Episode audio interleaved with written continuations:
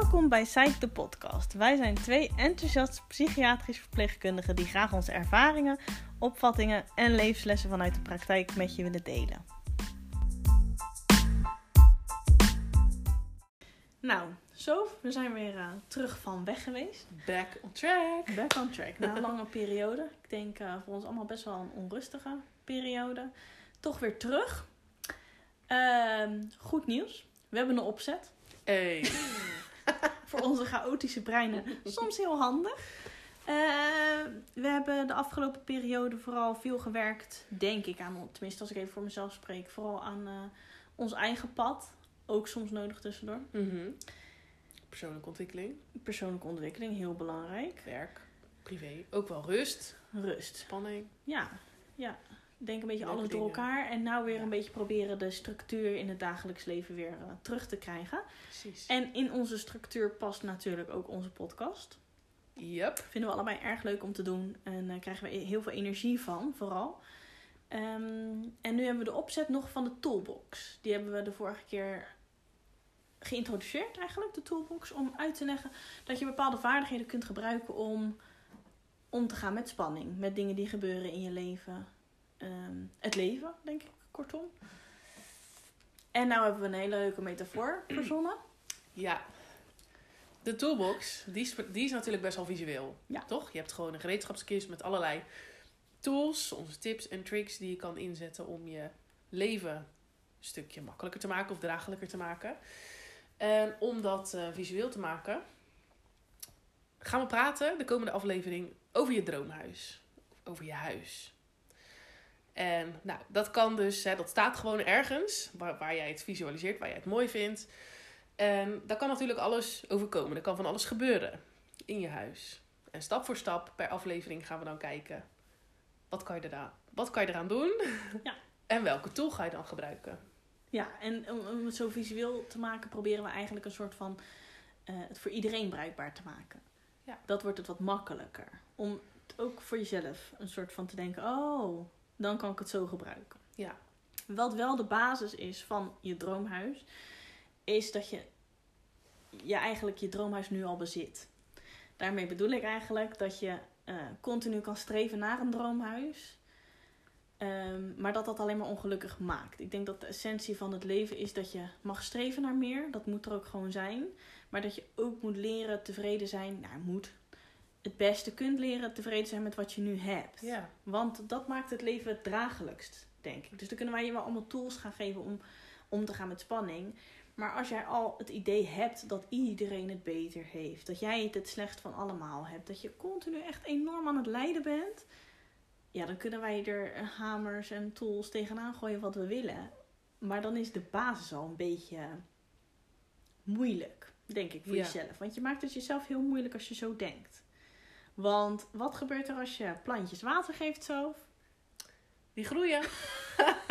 Dat is weer een stomme metafoor. Maar het gaat eigenlijk om dat Alles je wat aandacht geeft. dat groeit. Dat is de conclusie. Dus als je het hebt over je droomhuis. Stel je droomhuis staat in een eh, prima wijk, in een leuke wijk. En jouw droomhuis, nou ja, dat heb je gekocht of daar woon je in. En dat, daar was je tevreden. Maar je kijkt uit je raam en je ziet die dikke villa van je buurman. En je denkt, oh, die heeft een zwembad.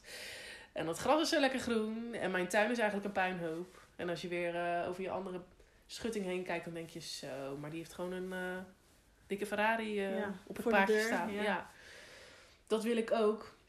Dus als je je focus heel erg daar legt op alles wat andere mensen doen, of wat ze allemaal bezitten, of wat ze op hun Instagram zetten, of je gaat met je verder kijken, kijken naar de volgende buurt en je denkt zo, maar dat, Dat als ik daar kom, goed.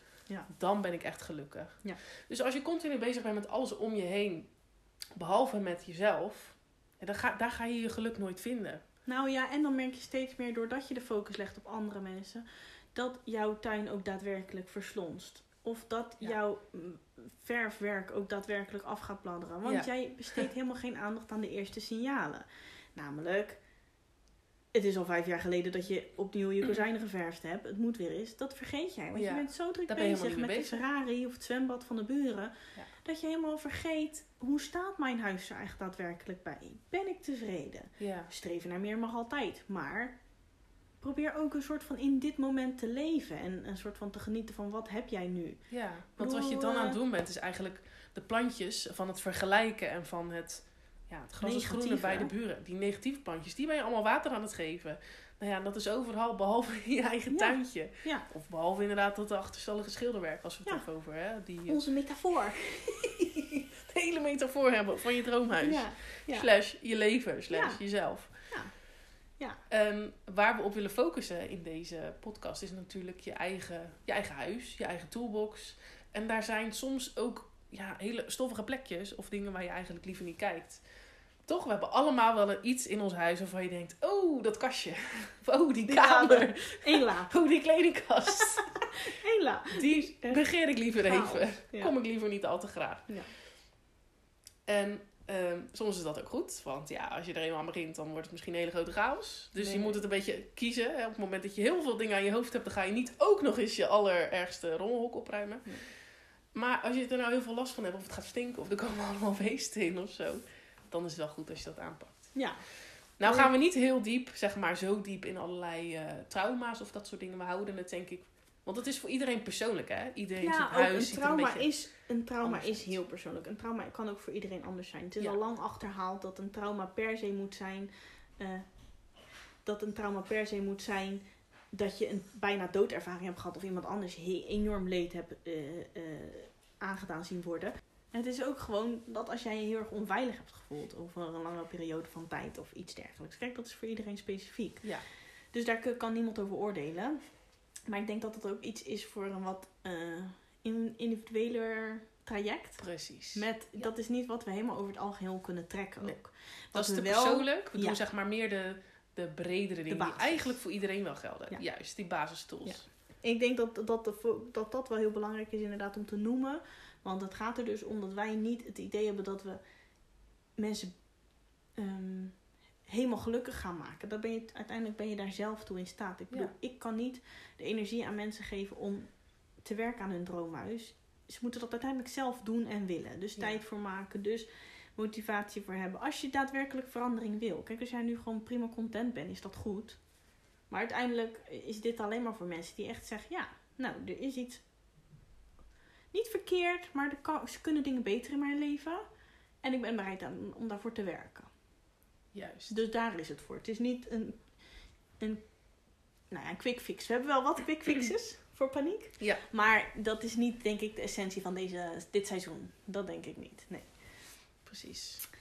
Dus kortom, Kortom, allerlei basistools Ja. die jij kunt inzetten Ja. om aan je droomhuis te werken. Ja. En ja, de stap van vandaag is dus vergelijk niet te veel. Kijk niet te veel naar je buren of naar de anderen waar je tegenop kijkt. Maar kijk ook gewoon naar wat je wel hebt. Welke Ja. kwaliteiten je wel bezit. Welke, ja, welke dingen goed gaan in je leven. Of dat nou gaat over je, je lichaam en welke dingen je tevreden bent. Ja. Of over de skills die je hebt. En, en een goede manier om daar, daar eh, is oefenen.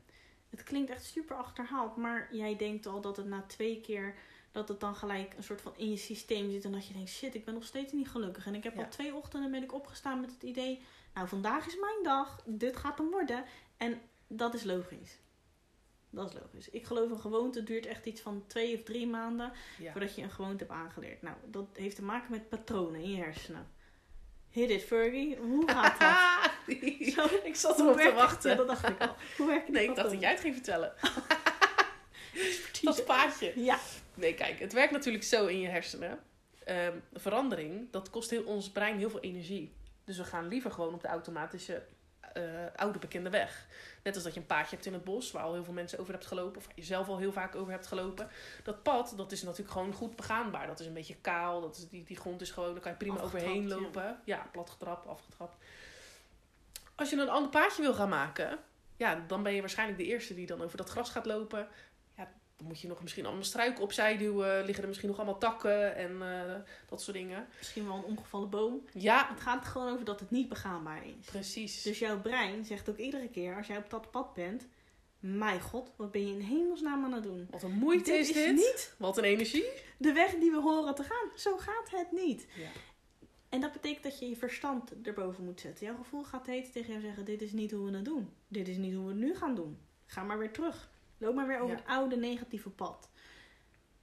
Dan moet je dus uiteindelijk kiezen voor je verstand. En jouw verstand zegt, oké, dit is nu eventjes de weg die we gaan doen. Uiteindelijk volgt het gevoel vanzelf. Dat Ja. is gewoon hoe het werkt in het leven. Dat is jammer. Als je een gevoelsmens bent, denk je, ben je heel snel geneigd om te zeggen... Nou, het voelt niet helemaal best dit. Nee, Laten we het maar gewoon niet doen. ik wil weer omdraaien. Terug naar het oude plaatje. Angstig. Ja, Ja. want dat is natuurlijk verandering is moeilijk. Maar hoe vaker jij over dat hernieuwde pad gaat, hoe begaanbaarder het wordt. En hoe meer jouw gevoel ook denkt, oh, ik herken het al een beetje meer. Nou, Ja. misschien voelt het ook wel oké. En dan gaat het over de lange termijn. De lange termijn is dat dus veel makkelijker. Precies. En na een tijdje wordt dat nieuwe pad, wordt dus jouw goed gebaande pad. Dat Met platgetrapte, gedachten. ja, dat platgetrapte Ja, baadje. Maar Dat, dat kost moeite. Ja, in het begin. Maar Ja. op een gegeven moment wordt dat jouw nieuwe gewoonte. Ja, dus zul je er wel motivatie voor moeten hebben. Dat is denk ik waar we iedere keer op terugkomen. Je moet Ja. het zelf willen eh, om te kunnen veranderen. Want niemand anders gaat het voor jou kunnen doen. En er zijn gewoon geen quick fixes om gelukkig leven te leiden. Dat, ja, ik denk dat iedereen dan gelukkig zou zijn. Vallen en opstaan. Ja, dat En is het stap voor uiteindelijk toch. Maar laten we nog eens even teruggaan naar de basis. Want jij zei, evolutionair gezien is het zo dat, dat het, eh, een mens geneigd is om de meest energiebesparende route te kiezen. Ja. Ik heb ooit een keer gehoord, dat is hetzelfde als met eh, heel slecht eten. De, de voedselindustrie is zo gemaakt dat je heel makkelijk, heel snel heel veel energie hebt. Dus zal je altijd geneigd zijn om dat slechte eten te eten. Want evolutionair gezien moet je energie besparen en tegelijkertijd in een kort moment heel veel energie krijgen. Ja, precies. Want het zit dus eigenlijk in ons brein zo geprogrammeerd, evolutionair gezien, dat we gewoon zo min mogelijk moeite willen doen om te overleven. Ja. Want eh, ja, als we moeten vluchten, dan moeten we gewoon zoveel mogelijk energie hebben en zo snel mogelijk. Ja, en dan zitten we ook helemaal niet, als we dan toch kijken naar dat eten, het, het, het zit er helemaal niet ingeprogrammeerd in natuurlijk je evolutie, dat je uiteindelijk op de lange termijn gigantisch last krijgt van diabetes, hart- en eh, vaatziekten. En dat, dat Ja, daar vroeger helemaal niet mee bezig. Vroeger dachten we, het kost al zoveel energie om dit zwijn te jagen. Ik, Het was leeuwen of beren Ja. of eten en Ja, dat overleven. het. Ja. Dat is het gewoon echt. En ik denk dat we in zo'n welvaart zijn beland dat we uiteindelijk helemaal niet meer beseffen eh, dat meer moeite soms ook beter is. Zeg. maar. ja, precies. We Dus- zijn nog heel erg geprogrammeerd op dat vechten, eh, vluchten of bevriezen. Ja, maar het leven is gewoon niet meer zo ingericht. Nee. Een, een, een belletje van iemand die je eigenlijk heel vervelend vindt, dat voelt als net zo'n grote bedreiging. Zeg maar nu van ons brein dan een beer die je gaat aanvallen vroeger. Zeg Ja, maar. omdat ze niet. Kijk, in, jou, in, jou, in dat deel van je hersenen zit niet geprogrammeerd. Oh, maar een, bel- een leeuw is wel iets heftiger Ja. dan een belletje. Nee. Er staat gewoon eigenlijk, gaat een signaal af. Zelfde reactie. Paniek. Ja. Precies dezelfde reactie. Dus je krijgt precies dezelfde mate van spanning binnen. Dat houdt in dat jij, of je nou een leeuw tegenover je hebt, of een niet zo fijne baas, of een hele fijne baas, maar een slecht nieuwsgesprek, is dezelfde reactie. En dat, dat zijn dus die drie keuzes: hè? vechten, vluchten of bevriezen. Ja. Struisvogel. Iets. Maar het, het gaat er meer om dat je dus maar.